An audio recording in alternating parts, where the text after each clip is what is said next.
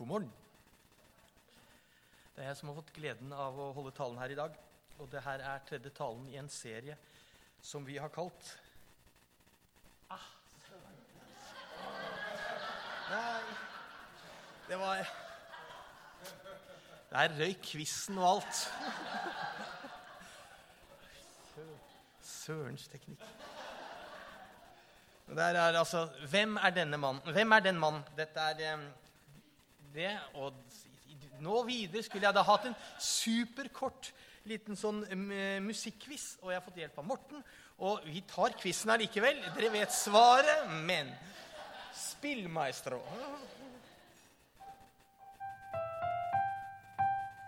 Aha, dere tok den.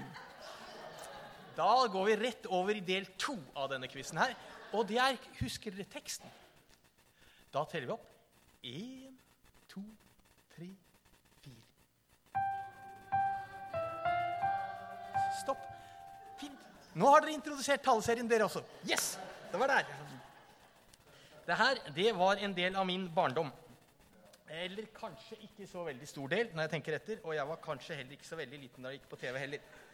Jeg husker det er det viktigste. Og teksten den gikk noe slik som Dere har jo den første linja. Hvem er denne mannen med sekk og lue på? Han ligner litt på nissen i grunn. Det er ikke han, det er Jon Blund. Og jeg drives mye av assosiasjoner.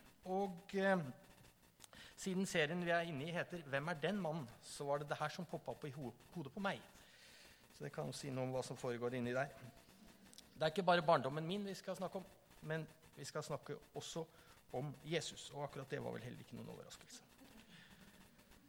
Jeg har vært kristen i mange år nå og er selvsagt interessert eh, når det skrives om Jesus, eller det kommer ut bøker eller filmer om Jesus. Og ofte så prøver jeg å få det med meg. Og eh, opp gjennom årene så er jeg blitt eksponert for en del ulike bilder av Jesus.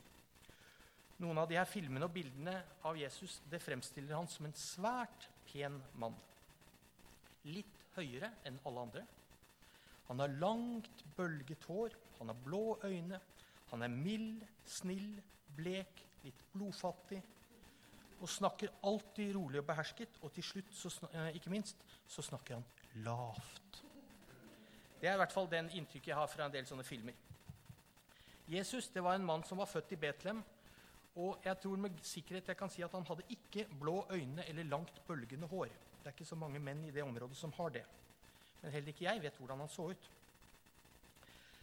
Og Jeg ble derfor litt sånn ekstra oppmerksom da jeg leste i ei bok at eh, det er en tradisjon ganske langt tilbake i kirken der man mente at Jesus ikke hadde en filmstjernes vakre utseende. Og de henviser til Jesaja kapittel 53 vers 2. Og der står det Han hadde ingen herlig skikkelse vi kunne se på. Ikke et utseende vi kunne glede oss over. Så kan man jo da spørre seg om gjør det noe om de fremstiller Jesus som han utseendemessig kommer fra en av Mellom-Europas modellskoler. Nei, det gjør kanskje ikke så mye. Men det hadde kanskje heller ikke gjort noe om det bildet av Jesus som finnes i filmer og artikler, var litt mer nyansert både med tanke på utseende og innhold. Nå er det nok om, eh, om utseende. Nå skal vi gå på innholdet. For noen år siden så kom det ut ei bok av en forfatter som het Paul Young. og Den het 'Skuret' på norsk, eller 'The Shack' på engelsk. Og Den boka har solgt enormt godt. Det er mange millioner kopier rundt omkring i verden som er solgt. Og det har blitt til en film for et par år siden som er absolutt verdt å se på. Men forfatteren fortalte at boka den skrev han til barna sine. Han hadde egentlig ingen tanker om at den skulle utgis i det hele tatt. Den skulle leses i hans familie, og han fikk den trykket opp i syv kopier som julegave til barna sine. Og Hovedgrunnen for å skrive boka var at han ønsket at barna sine ikke skulle sitte igjen med et inntrykk av at Jesus var en sær utgave av trollmannen Gandalf fra boka 'Ringenes herre'. De skulle skjønne at Jesus var noe helt annet enn en sær utgave av en trollmann med en tryllestav.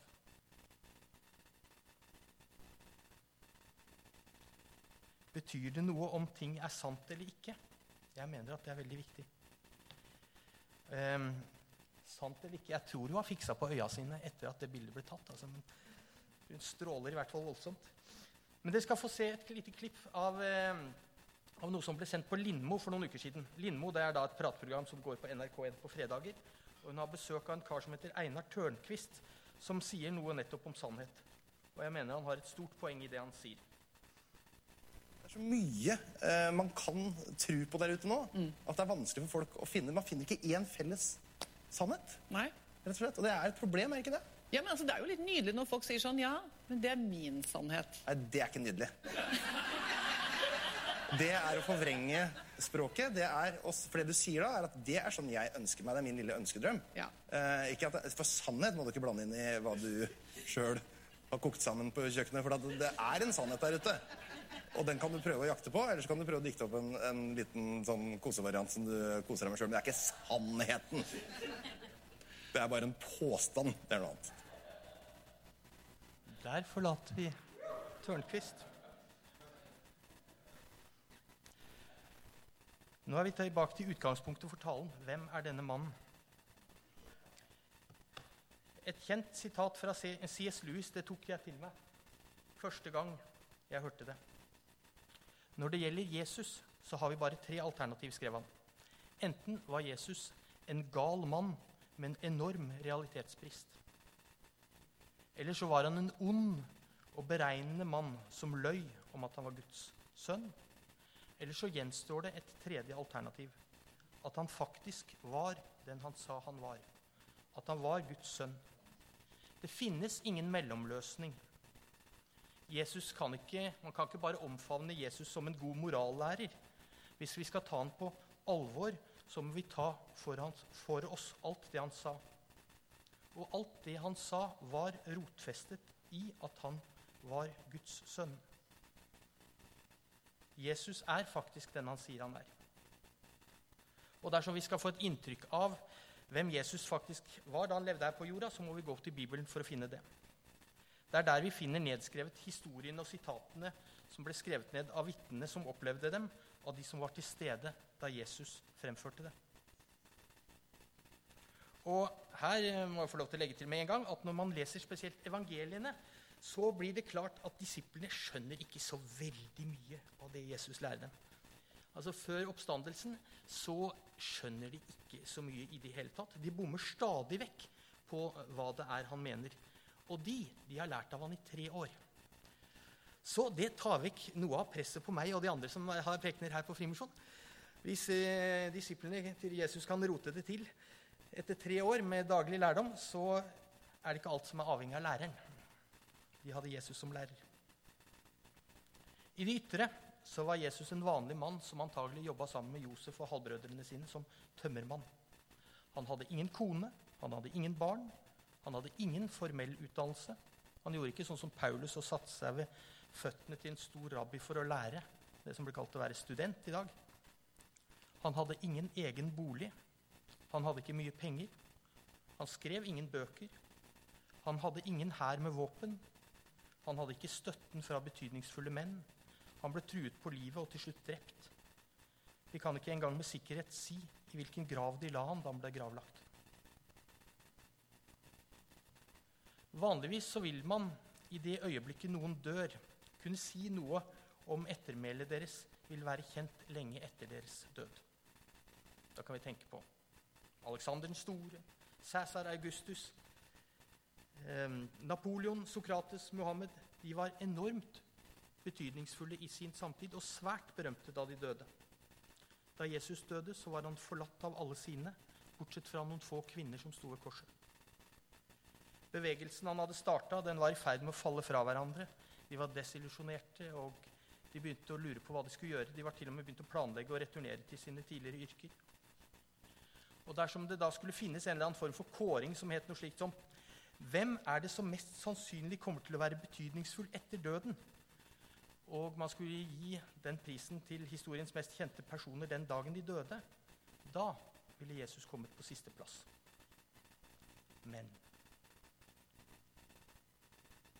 En historiker fra Yale-universitetet, Jaroslav Pelikan, har skrevet at Uansett hva man måtte tenke om Jesus på et personlig plan, eller tro om han, så har Jesus fra Nasaret vært den mest dominerende personen i historien gjennom vestlig kultur i nesten 2000 år. Om det var mulig å ha en eller annen supermagnet for å trekke ut hver eneste liten bit av metall som bar et spor av hans navn, da ville det ikke være mye metall igjen. Hvem er Jesus? Vi må se på noe av det som Jesus har sagt om seg sjøl, og vi skal kunne si noe om hvem den mannen er. Første gang uttrykket 'jeg er' forekommer i Bibelen, det er i 2. Mosebok, kapittel 3, vers 13-14. Og fra da av ble det navnet på Gud 'Jeg er'.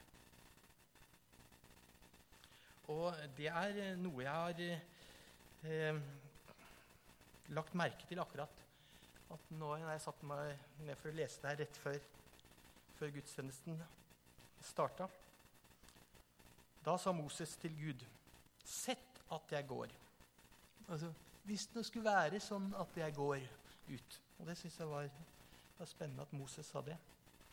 Men uh, sett at jeg går til israelittene og sier til dem deres fedres Gud har sendt meg til dere, og de så spør meg, hva er hans navn? Hva skal jeg da svare dem? Gud svarte Moses, jeg er den jeg er. Og han sa, slik skal du svare israelittene, jeg er, har sendt meg til dere. I evangeliet etter Johannes er det syv utsagn fra Jesus der han begynner med 'jeg er'. Det er utsagn der Jesus sier noe om seg sjøl, noe som er sant om Jesus. På gresk er det 'ego eimi'. Antagelig feil uttalt, men 'ego eimi'. Når Jesus sier noe om seg sjøl i Johannes evangeliet, så begynner han med 'jeg er'-utsagn. Og det i seg selv så peker det mot at han er Guds sønn, at han tilhører treenigheten. Og vi skal konsentrere oss om kanskje det mest kjente utsagn av de syv. Versene står i evangeliet etter Johannes kapittel 14, vers 6 og 7. Jesus sier, 'Jeg er veien, sannheten og livet. Ingen kommer til Far uten ved meg.' Har dere kjent meg, skal dere også kjenne min far. Fra nå av kjenner dere han og har sett ham. Det her det er jo fantastiske ord for oss, men det var enda mer fantastisk å høre det for en jøde for første gang. Jesus tar her for seg de tre store grunnleggende begrepene innenfor jødedommen og kommer med det ufattelige utsagnet at alle disse tre ideene blir virkeliggjort i ham. Vi får ta dem for oss, da. Veien. Å snakke om veien det var vel kjent for jødene. Veien, det var det livet de skulle leve basert på instruksjoner fra Gud. Gud sa til Moses så følg da trofast det som Herren deres Gud har pålagt dere. Vik ikke av til høyre eller venstre. Følg alltid den veien som Herren deres Gud har pålagt dere å gå. Hos Jesaja står det, 'Dette er veien, gå på den'. Salme 27, 11 står det, 'Herre, lær meg din vei og før meg på jevne stier'. Nå skal, nå skal Jesu etterfølgere følge det Jesus lærte dem. Og i så måte så er han veien. Og dette tok de alvorlig. I apostlenes gjerninger så ble de første kristne omtalt som de som fulgte veien. Og det er Jesus som er veien, og vi får lov til å gå den livsveien med Jesus. Vi har jo allerede toucha litt inne på begrepet sannhet. Der en norsk komiker har fått lov til å si det som egentlig er ganske så opplagt. At det ikke er mange sannheter om samme tema. Det er noe som er sant, og det er samtidig noe som er usant. Herre, lær meg dine veier, så jeg kan vandre i din sannhet. For din miskunnhet har jeg hatt for øye, jeg har vandret i din sannhet. Herre, du er nær, alle dine bud er sannhet. Det er mange mennesker som de, eh, eh, som hevder at de forteller sannheten. Jesus har sagt at han er sannheten, og Jesus snakker sant om Gud. Det er sant at Gud elsker deg. Det er sant at Jesus kom til jorda fordi alle menneskene er elsket av Gud, og han kom for å ordne vårt forhold til Gud. Og det her, at det var sant, det var spesielt viktig for alle de forfatterne av Det nye testamentet. At det de fortalte, var sant. Og Peter Peter han sier det sånn som det her. Vi fulgte jo ikke klokt uttenkte myter da vi kunngjorde for dere vår Herre Jesu Kristi kraft og Hans komme. Nei, vi var øyenvitner og så Hans guddommelige storhet.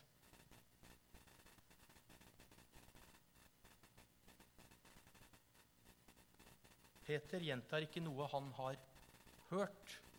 Peter forteller om noe han har opplevd.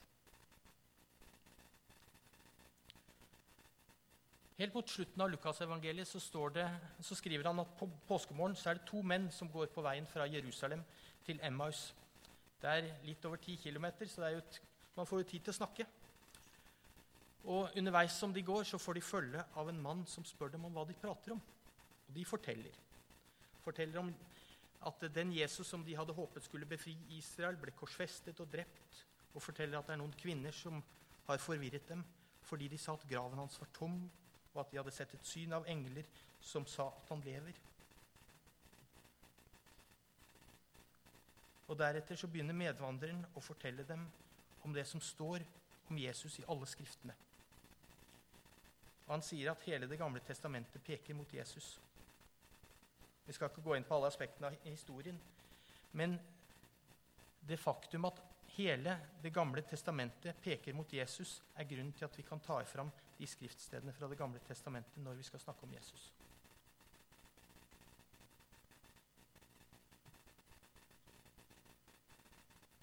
Jesus sa til slutt, 'Jeg er livet'. Fra Salme 16.: Du lærer meg livets vei. Hos deg er glede i overflod, fryd uten ende ved din høyre hånd.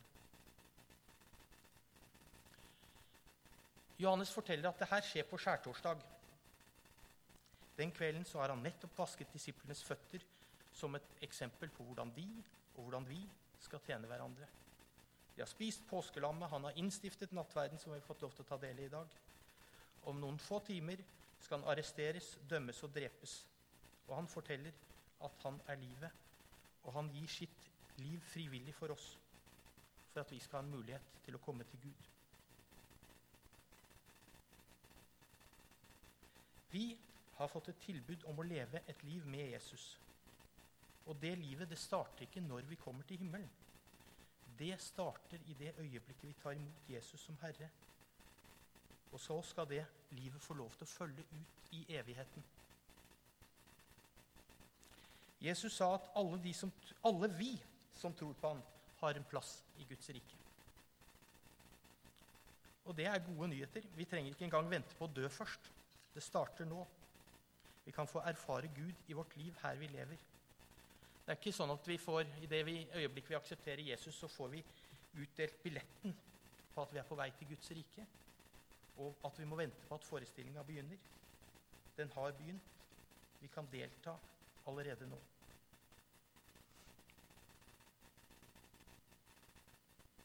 Og De gode nyhetene som Jesus tilbyr oss, er et liv sammen med ham. Det er en gave av nåde som han gir til oss, der vi steg for steg kan bli et mer elskende, gledesfylt og sannhetssøkende folk.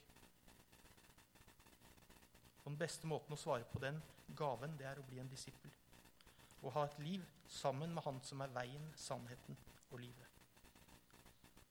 Han som kjenner Gud. Et slikt liv det er å få leve med Jesus ansikt snudd mot meg. Jesus lover oss et evig liv med Gud, og det livet starter når du tar imot Jesus.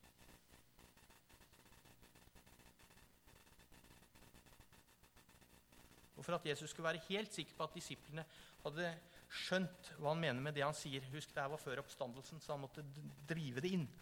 Så fullfører han med at 'den som kjenner meg, kjenner også Gud', fordi vi er ett.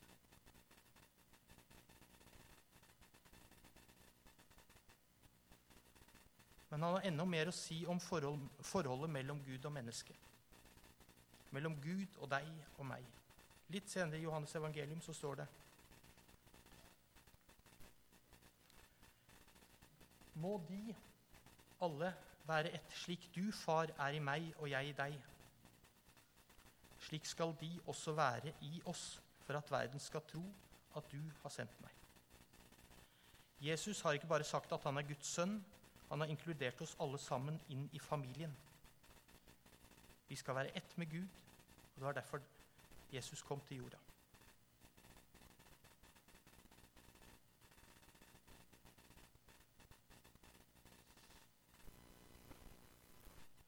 John Ortberg, en kjent pastor og forfatter, har sagt at den viktigste grunnen til at han tror på Gud, det er at Jesus trodde på Gud.